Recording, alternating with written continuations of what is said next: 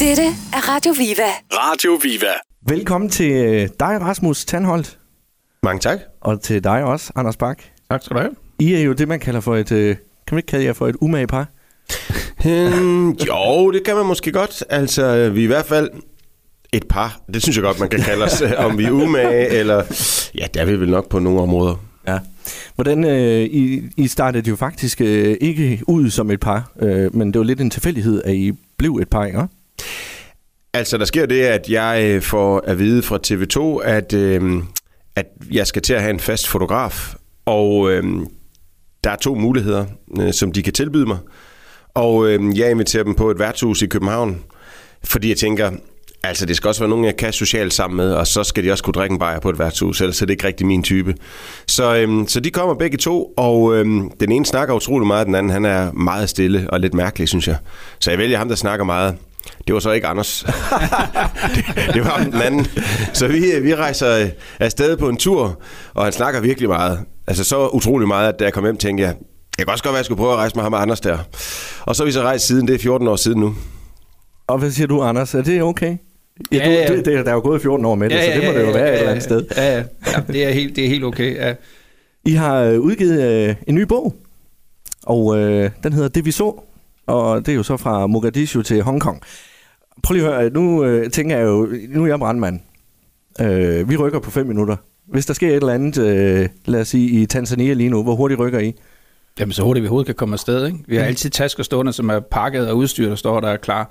Så man ved aldrig lige, hvornår man skal afsted. Det kan være jamen, ligesom brandmand 5 minutter. Hvad siger familien til det? De er jo vant til det. Øhm, det er klart, at indimellem kan det jo gribe voldsomt ind i en sådan personlig liv. Øhm, og det, det har jeg selvfølgelig også været ked af en gang imellem. Øhm, men øh, vi har selvfølgelig også grænser. Vi siger også nej. Altså, jeg har aldrig været ude at rejse på min søns fødselsdag, øh, for eksempel. Øhm, jeg har heller aldrig været ude at rejse juleaften. Altså, så, så, så vi kan jo godt sige nej. Men det handler om at flytte rundt på nogle ting. Og så handler det om indimellem, at man ender med at skuffe nogle mennesker, fordi at Anders og jeg er jo lidt nogle typer, som når folk inviterer os til noget, så siger vi, jamen vi kommer Måske. måske. Ja. Øh, og det er selvfølgelig egentlig ikke en særlig rar sådan rolle at have at være ham den uberegnelige. Øh, men det er vi lidt. Øh, til gengæld har vi også meget tid hjemme i Danmark, hvor vi øh, ikke går på arbejde, hvor vi kan være sammen med vores familie. Ja, for jeg tænker, I må jo have meget fritid. Jamen, det har vi også. Altså, selvom at øh, man hele tiden ser historier og så videre fra den store verden, så må der også være en masse fritid i det jo. Jamen, det er der jo også, når man er hjemme. Ikke? Altså, vi har jo vi har det sådan adskilt, at når jeg er på arbejde, så er jeg på arbejde 24 timer i døgnet, og når jeg er hjemme, så har jeg egentlig fri 24 timer i døgnet. Så det er meget dejligt at adskilt. Jeg får ikke den stress over, at nu bliver klokken 4, nu skal jeg hen og hente mine børn, eller jeg skal nå det og det og det. Det skal jeg ikke, fordi når jeg er på arbejde, så er jeg på arbejde. Nu har jeg læst jeres, øh, jeres bog her. Jeg Det er også sgu da Nå. fedt. Kunne du lide den? jeg, jamen, ja, altså jeg må nok sige, det var ikke lige, hvad jeg havde regnet med. Nej. Øh, det er jo en billedbog, Ja, det er det. Ja. det er en billedbog. og det er jo lige, det er jo lige i, din, i din ånd, øh, Anders. Ja, Jo. men, øh, men med en masse gode historier til os. Øh, ikke bare gode historier, men også tragiske historier tit jo. Øh, hvordan er det ikke svært at lægge dem fra sig? Jo, det kan det godt være. Øh, men øh, vi har prøvet det mange gange, øh, og øh, tror også, at begge to har en indstilling til det, at øh, vi behøver ikke lægge dem fra os. Hvorfor egentlig? Altså, øh, vi tager dem med os i rygsækken, og det betyder ikke, øh, at det øh, er negativt, heller ikke for vores arbejde eller for vores øh, tilstedeværelse sammen med vores familier. Øh, personligt så tror jeg ikke på, at man via en terapeut eller en psykolog kan bearbejde alle oplevelser ud af kroppen. Altså det er jo noget, der rammer, men det giver også nogle positive ting. Det gør for eksempel, at vi, tror jeg, i højere grad måske end gennemsnittet, virkelig har lært at sætte pris på det, vi har. Mm. Og måske ikke går så meget op i det, vi ikke har. For når vi rejser rundt i verden, så er det ret tydeligt, hvad det er, vi har i Danmark, og hvilket helt utroligt samfund vi har øh, arbejdet på at få til at se ud, som det gør nu. Øh, gennem hårdt, hårdt arbejde for vores forfædre. Det er virkelig noget, vi skal kære om og passe på. Det er sådan, at jeg tænker, når jeg kommer hjem til Danmark og tænker, gud ja, det, det, det, det er et fantastisk land, vi bor i. Man kan også sige, at det kan selvfølgelig en masse tragiske oplevelser, men altså, jeg vil sige, endnu mere har vi mødt positive oplevelser. Mødt venlige mennesker overalt, selv i krigszoner, og selvom det har været meget, hvad hedder man sige, voldeligt nogle gange, så vil jeg egentlig sige, at jeg har egentlig oplevet mere kærlighed, end jeg har oplevet vold. Nu og det kan giver mig også se- en tro til... Nu kan jeg jo se, at du har et ar på kinden. Ja, Det var jo... Nej, det var i panden. Nå, ja. i panden, Ja, okay. Der er flere. der er flere, ja. Hvordan, når man skal lave de her arbejdsskadesanmeldelser, er det ikke lidt specielt? Jo, det er det jo. Altså, vi får jo hele tiden tilbage, at øh, vi har også sådan en, hvad hedder, sådan en medarbejderundersøgelse øh, hver år på TV2, hvor der står, har du været ude for øh, fysisk vold på dit arbejde? Jeg udfylder hver år. Jamen, det har jeg været. Det har jeg bliver ringet op af psykologer, der er helt vildt bange, men altså, ja, sådan er det jo. Er det dig, der står for skud hver gang? Det, Men, det virker det- lidt sådan. Jo, men problemet er, at jeg står med kameraet, og kameraet er ligesom symbolet på, at vi er til stede, ikke på samme måde som mikrofonen. Så det vil sige, det er jo altid mig, de går efter, øh, og ikke så meget Rasmus. Øh, så derfor er jeg mere udsat, end Rasmus han er. Bliver man, bliver man tilgodeset, hvis man kan kalde det det, øh, når man står i en, øh, i en krigszone med de her veste på?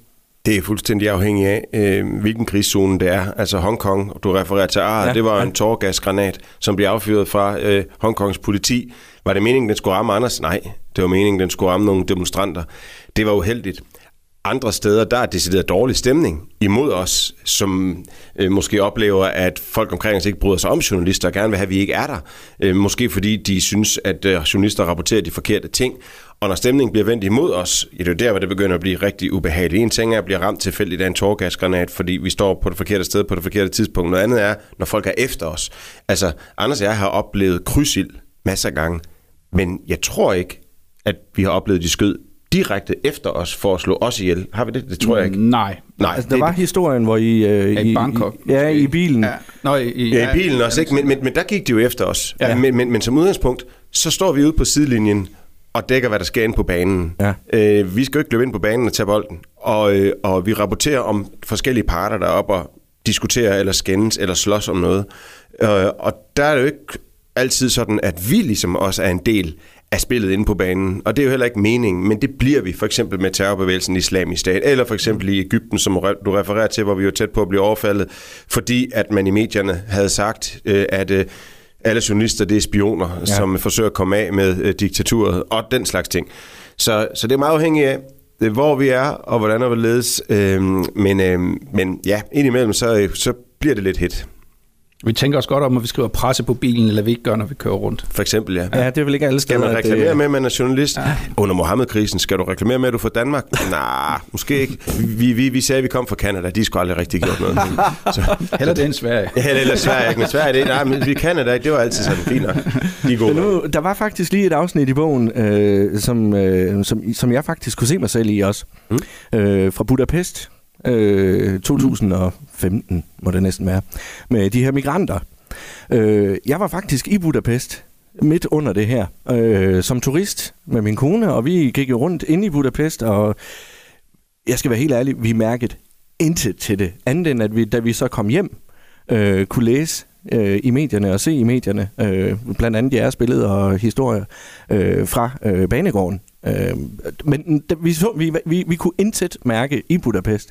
Det synes jeg jo egentlig er lidt, øh, lidt uhyggeligt, at man kan, men samtidig også lidt imponerende, at man som en, et, et land kan, kan lukke sådan af, at man ikke lægger mærke til det, selvom at der sker ting og sager.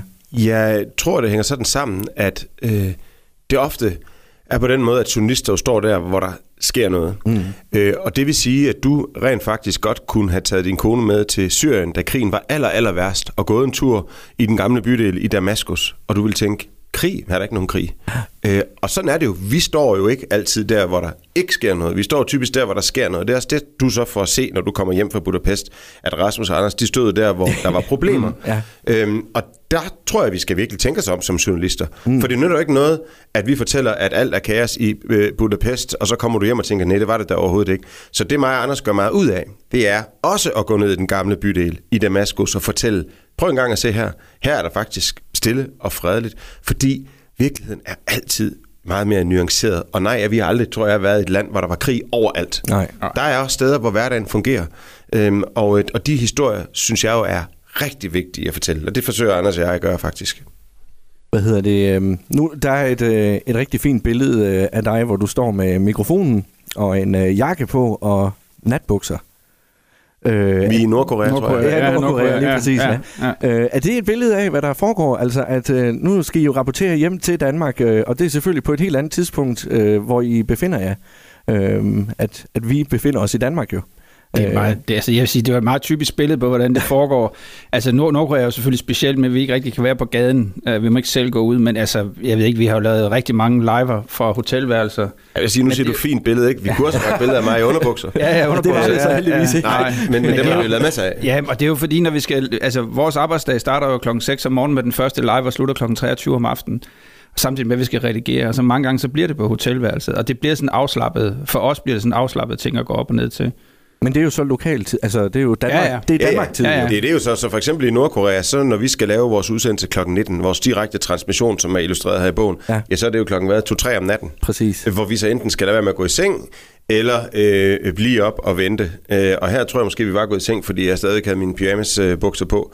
Øh, og andre gange, øh, så har vi stået op, og så øh, hvis Men vi gør det faktisk- på balkongen, så, så kan der i underbukser. Altså. Men vi har faktisk også nogle gange gjort det, vi har vendt døgnet. Altså, Specielt da vi var i, mm. på New Zealand, ikke, hvor 19-udsendelsen den starter klokken 7 om morgenen. Og så har vi simpelthen gjort det, at vi, vi kører efter dansk tid. Jeg har altid dansk tid på mit ur, det har Rasmus ja. også. Og det er den, vi kører efter. Og så ved vi, nu skal vi egentlig spise, nu skal vi hjem. Det hjælper også en hel del mod jetlag og, Ja.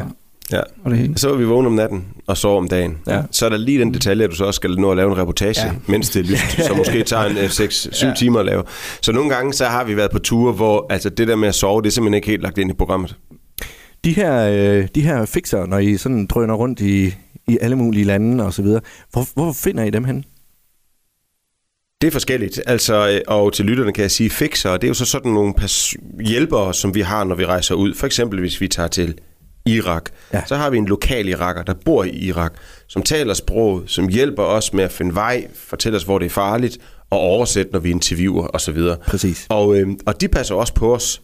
Øh, og dem finder vi på forskellige vis. Altså enten finder vi det gennem andre kolleger, som har benyttet nogen, for det skal være nogen, vi kan stole på. Mm. Det er nu da ikke noget at finde nogen, som lige pludselig sælger os til de forkerte. Nej, det er lige præcis det, jeg tænker på. Præcis. Det, det er et Øh, tillidsspørgsmål. Det er ja. et tillidsspørgsmål, ikke? Så vi finder dem blandt andre kolleger, som siger god for dem.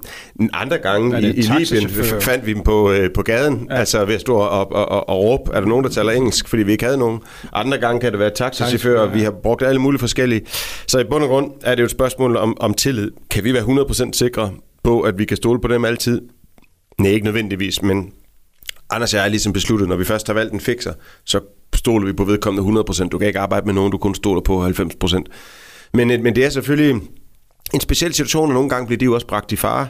Øh, fordi når vi så rejser hjem og spiser smørbrød og drikker fad Ja, så og hygger os, så, så bor de altså stadigvæk dernede. Og der er der jo nogle steder, hvor de bliver set som forrædere, hvis de arbejder med sådan nogle øh, hvide gutter, øh, som øh, mig og Anders, øh, fordi vi repræsenterer det, som mange af dem virkelig er imod. Øh, så det kan også være et farligt job at arbejde med os, desværre. Det må også nogle gange være et ret stressende job, tænker vi tit og ofte for dem, for dem fordi at vi er der jo, fordi der er en katastrofe, og dem og deres familie står midt i katastrofen, ja. samtidig med, at de skal arbejde med os. Så det må være en svær situation. Ja, der må gå mange tanker igennem. Mm. Ja. Så er det et dilemma for os. Ja. Ja. Hvad med, hvis nu man øh, møder sådan en, øh, en flink fyr dernede, og får, måske, det, det skal man måske passe på med, at få et forhold til folk? Det kan man ikke, man kan ikke, det kan man ikke undgå. Nej, altså, det er jo, ja, man er jo tæt sammen, kan man Ja, sige. altså vi oplever nogle ting sammen med dem, som vi ikke oplever med andre, så vi får ret hurtigt tætte bånd med mange af dem. Øh, og jeg vil sige, de sociale medier er jo ret gode til, at vi holder kontakt med dem og, og snakker med dem. Men altså det er klart, der kommer jo på et tidspunkt, men nogle af dem begynder jo at, at spørge om penge, og kan vi hjælpe dem, og det er jo så forfærdeligt. Mm. Øh, og det kan vi jo desværre ikke hjælpe dem alle sammen. Kan desværre ikke hjælpe alle, nej. Nej, det kan man ikke.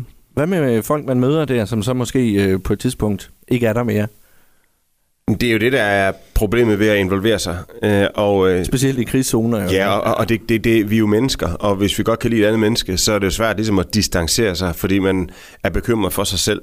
Og jeg synes, det er et lille offer. Øh, Så ja, vi har jo oplevet, at nogle af de mennesker, vi virkelig holder af, de er kommet galt afsted. Øhm, Og det er jo noget, vi så også bekymrer os for, når vi øh, kommer hjem til Danmark. Men der vil jeg sige, at den bekymring, de er i, og det, de står overfor, er jo langt, langt øh, vigtigere. Så det, det synes jeg er et lille offer. Men, men, men, men det er rigtigt, at indimellem, så har jeg spekuleret på, om, om vi måske nogle gange skal distancere os lidt fra de mennesker, som vi lærer så godt at kende, fordi det kan altså give nogle ordentlige knytnævslag. Ja. Øhm, og som Anders også siger, så pludselig så bliver man involveret i deres liv, og pludselig vil de gerne måske have noget hjælp, og kan du skaffe asyl i Danmark til os, Rasmus, og så videre. Det kan jeg jo ikke.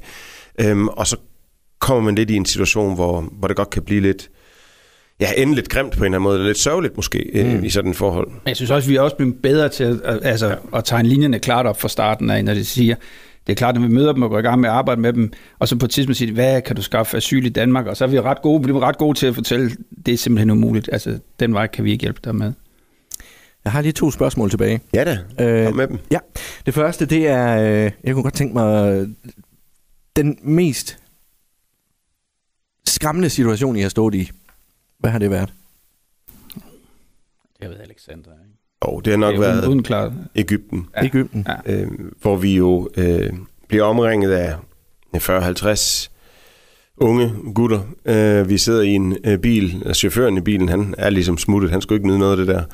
Og, øh, og de er i virkelig dårlig humør, og øh, Anders og jeg er ligesom symbolet på alt det, de er rasende over. Så vi skal bare hives ud af den bil, og så skal vi have nogle tæsk. Øhm, og jeg ved godt, og det ved Anders også, da vi sidder derinde, at hvis det lykkes dem, så øh, tror jeg ikke, at vi kunne stå her på Radio Viva lige nu. Øh, Så tror jeg, det vil være slut øh, på en ikke særlig behagelig måde. Altså vil jeg hellere køre, køre sig over en bus, end, ja. at, end at blive tæsket ihjel.